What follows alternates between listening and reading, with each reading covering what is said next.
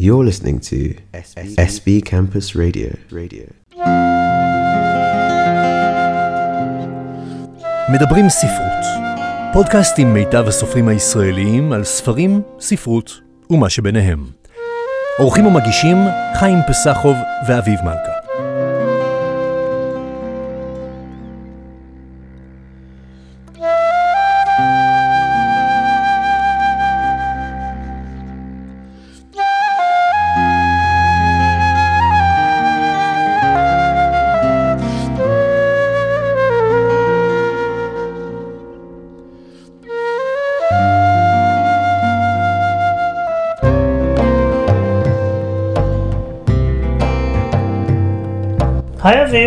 היי חיים, מה שלומך? אני בסדר, ואיך אתה? בסדר גמור, פרק שני של הפודקאסט שלנו מדברים ספרות. בפרק הזה אנחנו ראיינו את אה, יובל אלבשן, הסופר ופרופסור למשפטים, שהוא גם פעיל חברתי והוא עוזר לאוכלוסיות מוחלשות. אנחנו ראיינו אותו במשרד שלו בירושלים על ספר המתח שלו, תיק מצדה, אבל אנחנו לא פסחנו מלדבר איתו גם על איפה הוא מרגיש נוח, בעולם המשפטי או בעולם הספרותי, מה הוא חושב על ספריו, איזה ספר שלו הוא הכי אוהב, ועל עוד נושאים ככה ככל אה, שהפלגנו איתו בריאיון. למי נודה? נודה לבוזי רביב מ-SB קמפוס רדיו שבחסות אוניברסיטת בן גוריון שבנגב, ונודה כמובן ליובל אלבשן המרואיין שלנו. אנחנו נשמע בסיום הריאיון אה, שיר שהוא ביקש אה, לשמוע, את השיר אה, של אריק לביא, אני מאמין, או כמו שהוא נקרא בלשון העם, שחקי שחקי. את המילים כתב שאול צ'רניחובסקי ואת הלחן טוביה שלונסקי. ומאזינים שמעוניינים אה, להגיב לתוכנית, מוזמנים בכיף לשלוח מייל לכתובת talking, t-a-l-k-i-n-g, נקודה פודקאסט, p-o-d-c-a-s-t, נקודה 2019, כרוכית gmail נקודה קום. האזנה מהנה. שלום ליובל אלבשן, שלום וברכה. מה שלומך? אה, לא רע. אתם אוקיי. יודעים, אני פחות, אני פחות אוהב את המציאות מאשר את הספרות, אני חייב להגיד. כי המציאות, אה, אתם נמצאים עכשיו איתי בחדר שבו אני מקבל קהל, קהל מוחלש בדרך כלל, אנשים שבאים רק עם צרות ובעיות. והיתרון ש- שאתם ראיתם אותי על ספרות, זה שאני יכול אה, לכתוב סוף טוב, לשלוט בגורל ולהיות מרוצה. אז זה שאתם עכשיו ביום העמוס הזה, שעה שלמה לוקחים לי אה, לדבר על ספרות, כבר עושה אותי מאושר. אז ספר לנו קצת על עצמך. אני בן 50, אני לא מאמין שאני אומר את זה. בראש אני בן 20 ו, במקרה הטוב, וגרושתי תאמר לכם שאני גם בן 12 במקרה. במקרה האמיתי. אה, אני אה, היום, אה, אני פרופסור למשפטים, משמש כדיקן הפקולטה למשפטים בקריה האקדמית אונו. אה, כתבתי תשעה ספרים, מתוכם חמישה הם ספרי פרוזה. אה, שישה האמת. אה, כן ירבו. תודה. אני, אני היום חי בירושלים, אבל בלב אני עדיין רואה את עצמי כבת ימי. גדלתי בבת ים, אמי עדיין מתגוררת בבת ים, ובגדול, כשאני יוצא מעיניים, אני מוצא את עצמי בספרייה הציבורית ברמת הנשיא בבת ים, מהרגע שהיא נפתחת עד הרגע שהיא נסגרת, קורא ספרים, ואחר כך אני לוקח שני ספרים לקרוא בבית בלילה שאחרי. תספר אה, קצת למאזינים, ככה בוא ניישר קו למי שלא מכיר, על מה מדבר הספר תיק מצדה. תיק מצדה הוא מותחן, שבא בעצם, אה, בא לספר את הסיפור של, של מה שאני ראיתי בשבויים ונעדרים. אני לא רוצה לעשות ספוילר ולהרוס את הספר, אבל הוא לכאורה מתחיל, הוא נכתב הרבה לפני שחרור גלעד שליט, אבל הוא לכאורה מתחיל בנעדר ישראלי, רון ארד, כולם נורא אוהבים אותו, כולם נורא רוצים אותו, ולא מצליחים לאתר אותו. האדמה בלעה אותו. שזה בדיוק הסיפור של רון ארד. כל הניסיונות לא מצליחים.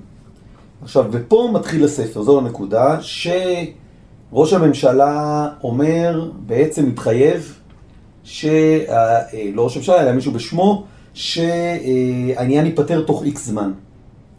ועכשיו חייבים לפתור את הבעיה הבלתי פתורה הזאת בזמן מאוד קצר. ורק כדי לעשות עוד ספוילר, אחת הדמויות שלא מרוצה מזה שהעניין ייפתר מהר ושבעלה יחזור הביתה, זו אשתו של אותו נעדר. אתה היטבת לתאר את זה יותר טוב ממי שקרא את הספר. תודה. למה שבמבצע שאמורים לדעת עליו כל כך הרבה אנשים, מעט אנשים, סליחה, בסוף יודעים עליו כל כך הרבה.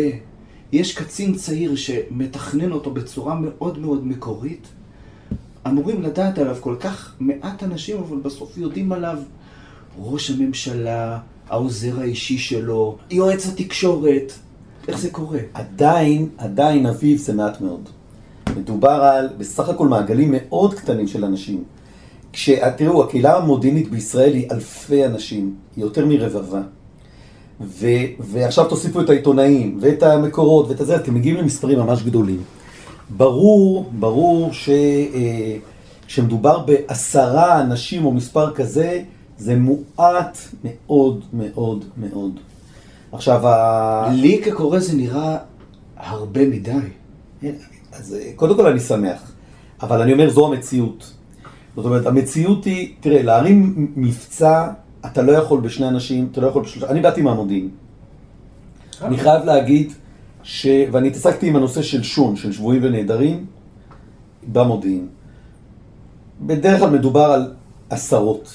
אי אפשר באמת להרים מבצע כזה, בינלאומי, מעורבים בו אנשים, אי אפשר להרים אותו לבד. אבל, אבל, אה, עדיין פה זה היה מעט מאוד. עכשיו תראו, סתם כדוגמה, אה, עכשיו היה, אה, הוחזרו הגופות של, הוחזרה הגופה של זכריה באומל. כן. היו מעורבים בזה עשרה אנשים. זהו. ותראו איזה תרעומת. איך במדינה דמוקרטית רק עשרה אנשים מובילים? איך יכול להיות? וכולי. אז זה גם המתח במציאות. כמו עם החזרת האסירים הסורים עכשיו, של למה לא הביאו לדיון בקבינט? בדיוק. זה זה, זו השאלה. אז עכשיו אני אומר, הנה, הנה, בסוף זה ככה. אז עדיין בספר הזה, המחמאה הכי גדולה שקיבלתי מאנשי מודיעין שקראו אותו, שזה מדויק. נשאל קצת על ראש הממשלה, אה, שתי נקודות שמאוד עניינו אותנו. בנית כאן דמות של ראש ממשלה חקלאי כזה, קיבוצניק, שמזמין אנשים אליו לקיבוץ ונותן להם מפרי השדה שלו. ולא... ולא איזה ראש ממשלה בעל הון כמו שאנחנו מכירים. זו הנקודה הראשונה. והנקודה השנייה, אה, ראש ממשלה כזה די דור תש"ח, קמאים, כל מיני שירים של צ'רניחובסקי ואחרים שהעובדים לא מבינים מה הוא רוצה מהם. אה, למה הלכת דווקא על ראש ממשלה כזה? כי זה, אלה ראשי הממשלות שאני מכיר. אני ביססתי את הדמויות, לא נעים לי להגיד, אתם יודעים, אנחנו חיים במציאות, ואז המציאות הזאת נכנסת למחזור החיים שלנו, ואז באיזשהו שלב זה נשפך כמו דיו על נייר. במקרה שלנו זה מוקלט, כן? ופתאום אתה מוצא, וכשאני קראתי את זה, כתבו בעיתון שזה החלאה של רבין ושרון. לי זה נשמע כמו בן גוריון קצת. נכון. זה דמות אמיתית, אוהבת המדינה, עושה למען המדינה, אתה מאמין בכנות שלה, אתה לא חושב שהיא לא, לא הגונה, או שהיא משתמשת במדינה רק לצורך אה, מקסום הרווחים האישיים. בהקשר הזה אתה באמת, אה, בהקשר הזה אתם צודקים. אז אני לא יודע אם זה בן גוריון או, או רבין בסיבוב השני, או אה, אריק שרון, אבל זאת החלאה. אני, לי יצא לעבוד רק עם אריק שרון, אני חייב להגיד, אז אני כל השאר רק קראתי עליהם.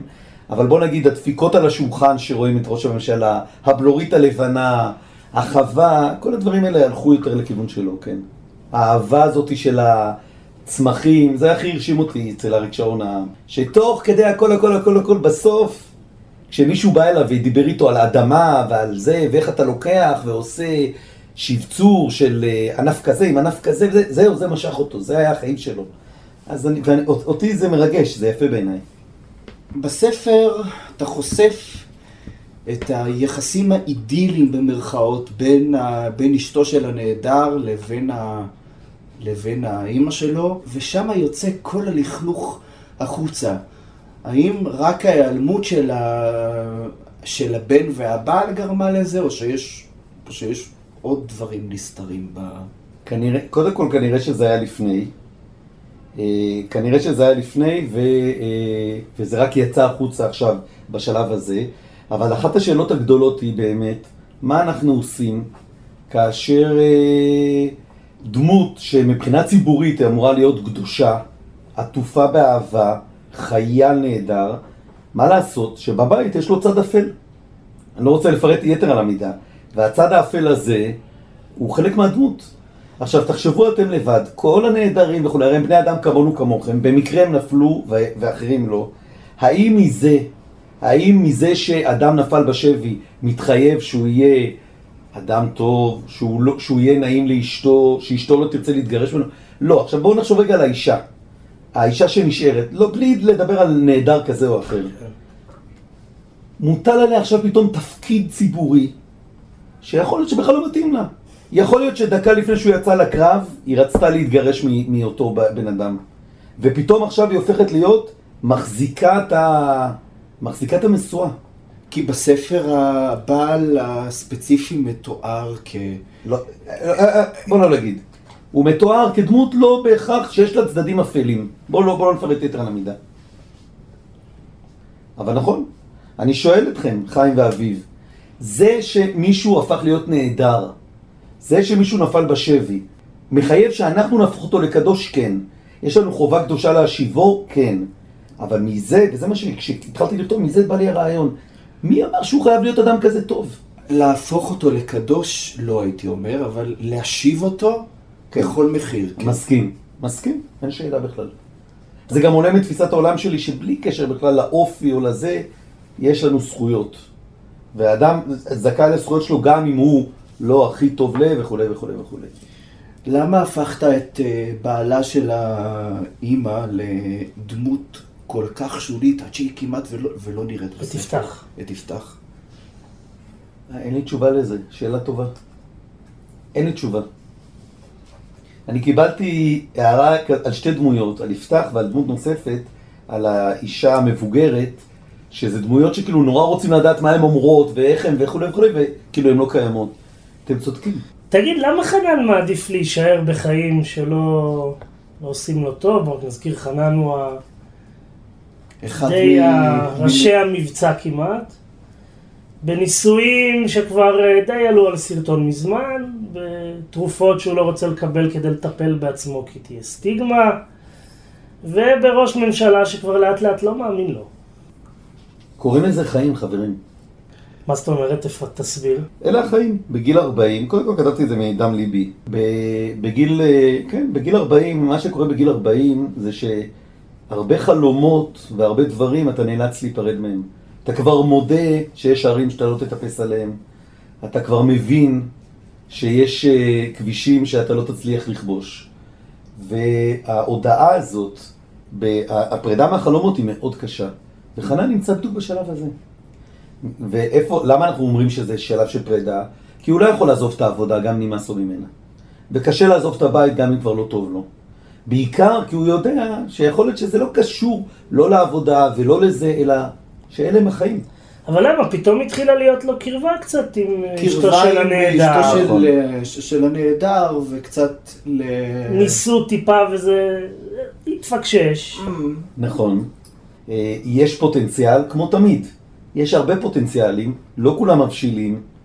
אני, הדבר שהכי אני לא אוהב זה את הדבר הצפוי מראש. זאת אומרת, שזה גם יכול לקרות וגם לא, אבל זה לא שברור שההוא המתוסכל והלא מסופק בחייו יפגוש את אותה אה, אשת נהדר ותצמח משהו. זה קצת היה ברור מאליו, הייתי אומר. והיה צריך לקטוע אותו. כן, כי לפעמים הברור מאליו גם לא קורה. למה בשביל uh, להחזיר את הנהדר הזה ספציפית שיש בספר, הם צריכים, הם צריכים כפיל? טוב, למה? כי זה, זה פחות או יותר הרעיון. הרעיון הוא שזה בא מתוך שיעורי כלכלה שאני לא סבלתי, אבל... אה, תראה איך מרומן אנחנו מגיעים להרבה תחומים. תראו, הסיפור, אני, גם כשעוד הייתי בצבא, אמרתי, זה הרי דבר מדהים. אותו אדם הופך ברגע להיות, הערך שלו קופץ. ברגע שהוא הופך להיות נהדר, או פצוע, או לא יודע, משהו סמל. עכשיו, בפועל, הדרך הכי טובה מבחינה כלכלית להוריד את המחיר שלו, היא לייצר לו העתק. עכשיו, אמרתי בעצם, למה אנחנו לא יכולים לייצר לו העתק? כל עוד הוא מס, מס, מסתירים אותו באיזשהו מקום, אף אחד לא יודע איפה גלעד שליט באמת. האם הוא במערה כזאת או אחרת? בואו נייצר כפיל, ואז לאלץ בעצם את הצד השני, או לצאת ולהגיד שיש להם את אה, גלעד האמיתי, או לעשות אה, איזושהי פעילות אחרת, או שיכול להיות שכבר אין גלעד שליט, ואז גם קיבלנו תשובה. אז במובן הזה יצירת הכפיל היא בעצם גורמת לים שהוא שקט מדי והוא פלטה להתחיל לסעור, ואז אני יכול לראות מבעד הסערה איפה יש דגים ואיפה אין דגים ואיפה גם הדג שלי. זה כבר משהו שנעשה בעבר? לא. האם יש... אה, לא, לא, זה הכל פרי דמיון משוגע שלי. האם...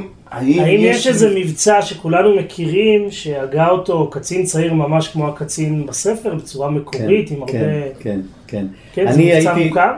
לא המבצע הזה כמובן, אבל אני הייתי לא, שותף... לא, לא מבצע בספר, מבצע הייתי, שאנחנו כן, מכירים. אני הייתי שותף להרבה הרבה הרבה מאוד, אה, להרבה מאוד חוויות בצבא, שראיתי אנשים מאוד צעירים שהצליחו לעשות דבר לא יאומן. שהצליחו להזיז מערכות. זה אחד הדברים הכי יפים בצה"ל, במיוחד במודיעין, שבסוף בחורצ'יק צעיר בן 19 אה, יכול כמעט לדבר עם ראש אמ"ן, ובחורצ'יק בן 20 מדבר עם ראש ממשלה, כן. זה לא המצאתי, זה היה קיים. אה, זה היה קיים. כן. Mm. יצא לנו לדבר יותר מפעם אחת עם, אה, בוא נגיד, קברניטי המדינה, ואני מדבר כשהייתי קצין יחסית מאוד צעיר. תסביר את התפקידים של אה, היועץ, היועץ התקשורת, כי הוא נראה דמות די פסיבית, שכל הזמן אומרים לו מה לעשות והוא לא לוקח ראש גדול. ומה בעצם התפקיד של, אה, של העוזר האישי של ראש הממשלה? כי הוא גם נראה דמות כזאת, היא... לא... שמנסה לחפש איזה... בקיצור, אביב, אתה שואל, מה, מה, מה הכפילות ומה זה, חבר'ה, זה ראש ממשלה, זאת הכוורת. יש הגדרת תפקידים מאוד פלואידית. יועץ התקשורת של אה, בנימין נתניהו, יונתן אוריך, הוא הרבה יותר מאשר מנהל המדיה החברתית. והקרבה לאוזן היא זו שנותנת את החשיבות. ועל הקרבה לאוזן נלחמים בתוך כל כוורת. ועוד לא היה שליט שלא היה, הייתה מלחמה עצומה בין כל מיני תפקידנים, ושהייתה, הצליחה להיות איזו היררכיה מסודרת, והמעטים שהיו זה אלה שבאו עם אנשים באמת אה, הרבה זמן, כך שבהקשרים האלה, אה, שוב, אני, תראו, אחרי שבא לי הרעיון כתבתי אותו, ואז שלחתי את זה לכל מיני חברים, חלקם, שניים מהם שירתו בלשכות של ראשי ממשלות פה. ובוא נגיד ככה, שהם חש... אמרו שעוד אני אה, הייתי עדין מדי. אבל אני פחדתי שזה ייראה לא אמיתי לגמרי. עדין מדי. כן. מה זאת אומרת? כי, כי בספר מתוארים עוד שנייה גם ריבים ומחלוקות שם בין ה... נכון, כי זה כך. You're listening to SB Campus Radio. Radio. מדברים ספרות. איפה אתה מרגיש יותר נוח? בעולם המשפטי, החברתי, או בעולם הכתיבה? יותר נוח בעולם המשפטי. זה עולם שהוא יותר קל לי. ההתנהלות בו היא פשוטה, היא מוכרת לי. יותר טוב בעולם הכתיבה. אז השאלה הנלווית לזה, האם כתיבה היא גן עדן או גיהנום עבורך? גן עדן, גן עדן. אני לא, מה, אני לא מהכותבים המיוסרים, אני גם כותב, לא נעים לי לומר מאוד מהר, ממש... אה, ספר, את הספר הראשון שלי, תמיד פלורה, כתבתי בפחות מחודש. הייתי, הייתי בבריסל, אה, הייתי אמור לכתוב מאמרים אקדמיים, קיבלתי אה, שבועות להיות שם. אה, ובמקום אה, לכתוב את זה, סופתי פשוט יצא, נשפך ממני בבת אחת, מילי מילי מיליונים.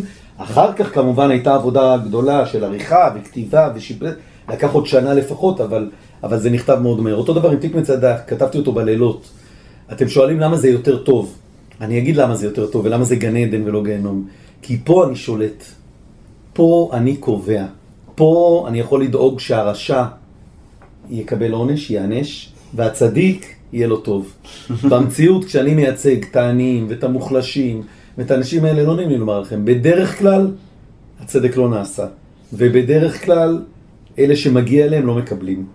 ו- וזה אתה... מאוד קשה להיות בתחום הזה, וכשאני בא הביתה, הכתיבה הרבה פעמים זאת הדרך שלי להתנקות וגם קצת להחזיר שליטה על העולם הזה שהוא לא צודק בעיניי. ולמה אתה מרגיש יותר נוח בעולם המשפטי? למרות ש... כי אני מכיר, כי אני פשוט חי אותו, ומכיר. אתה גם יותר אה, מרגיש בו רגוע, או יותר לחוץ בו? לא, יותר רגוע. אה, כי יכול להיות גם הכללים פסקי ברורים. דין כן, אבל שפחות הכללים ינעמו לך, או ברורים, פחות... הכללים אה, ברורים, וגם הסכינים פחות מושחזות. בספרות הקושי הגדול הוא שאתה נאבק עם עצמך. את המילים אתה חוצב ממך, ולפעמים זה קשה.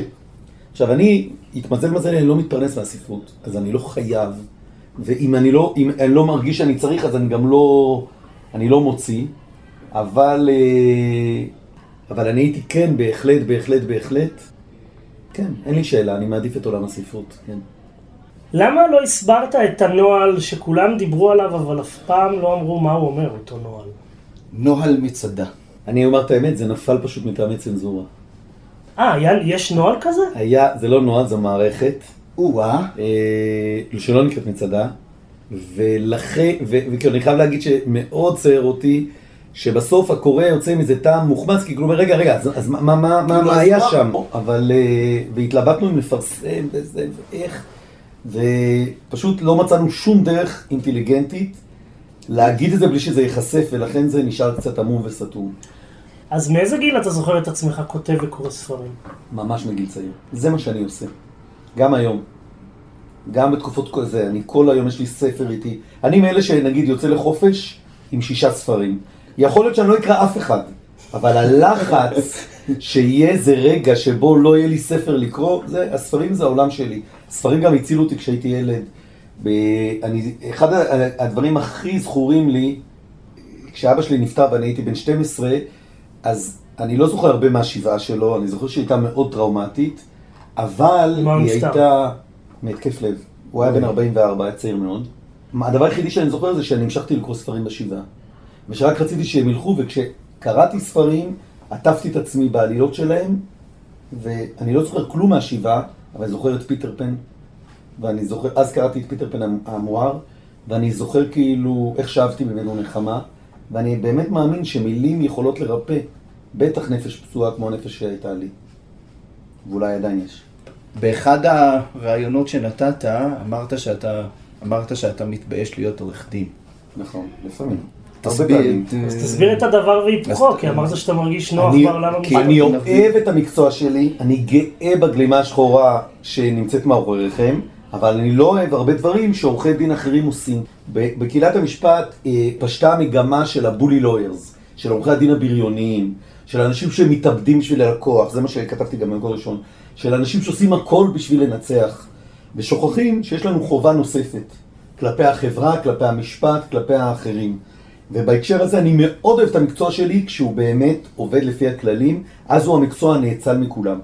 אבל כשאותו מקצוע הופך להיות פשוט בריונות, וכשאני רואה עורכי דין שהם ברמה, איך אני אגיד את זה, הכי, אה, הכי נמוכה, לא יודע איך להסביר את זה, אז זה, זה מביש אותי.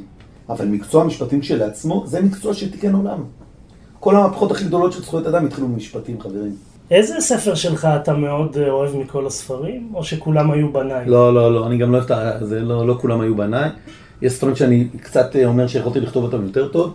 הספר שאני הכי מרגש אותי, שהוא הכי מרגש אותי, זה סיפור, סיפור לא גמור, שכתבתי אותו כאילו לילדים, אבל בפועל הוא סיפור למבוגרים. אחרי שגמרתי לכתוב אותו, אה, קראתי אותו בעצמי ושלוש פעמים פרצתי בבכי, ו...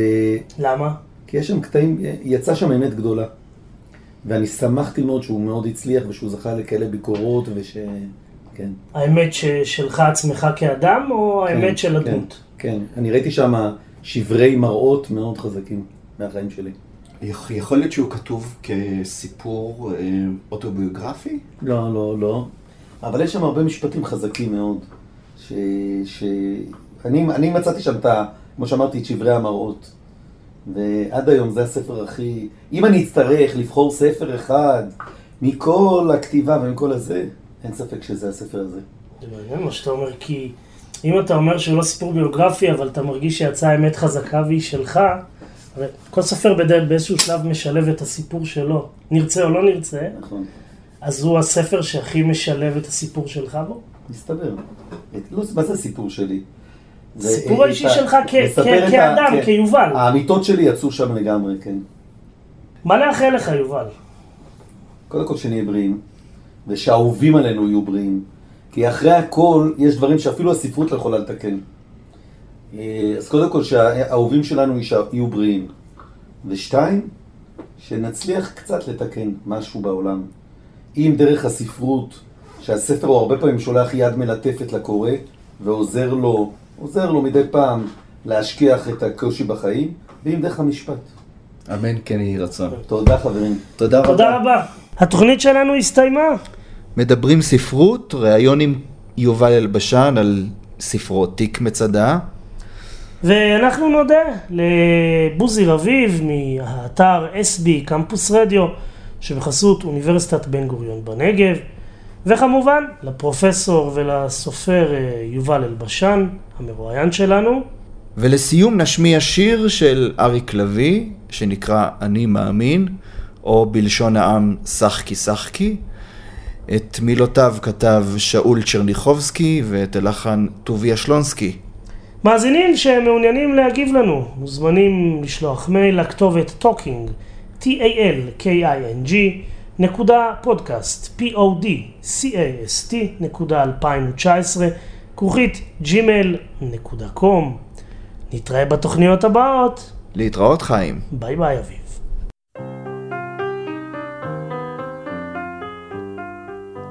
שחקי שחקי על החלומות, זו אני החולם שח.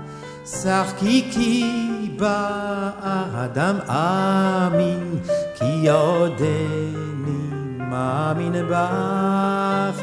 שחקי כי באדם אמין, כי עודני מאמין בך.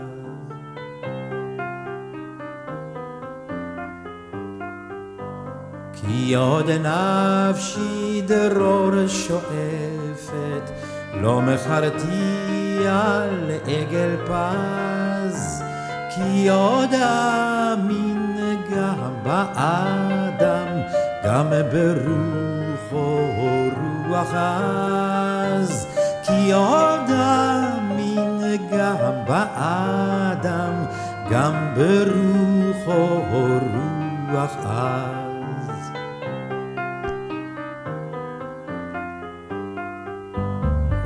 רוחו ישליך קו להבל, ירוממנו במותי על. לא ברעב ימות עובד, דרור לנפש פת לדל. לא ברעב ימות עובד, דרור לנפש פת לדל.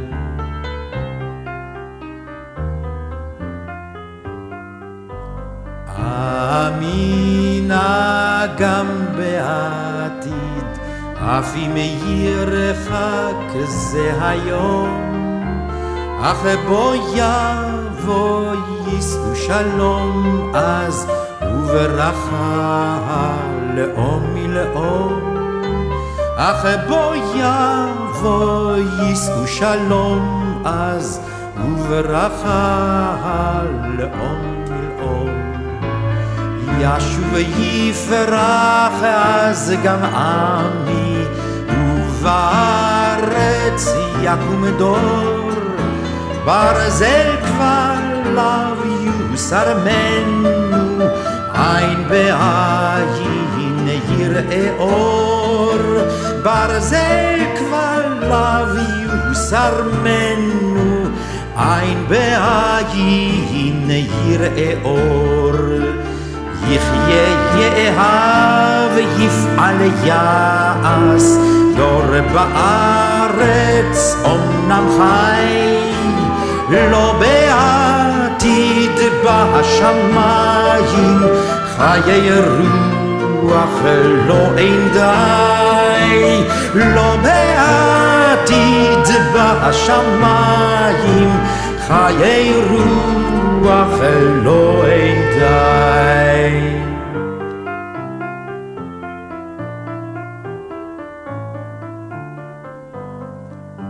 שחקי שחקי על החלומות, זו אני החולם שח.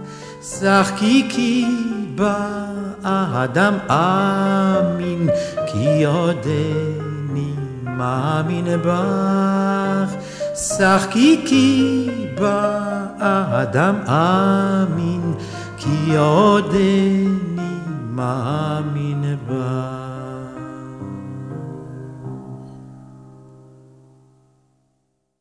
מדברים ספרות, פודקאסט עם מיטב הסופרים הישראליים על ספרים, ספרות ומה שביניהם. ערכו והגישו חיים פסחוב ואביב מלכה. You're listening to SB Campus Radio. Radio.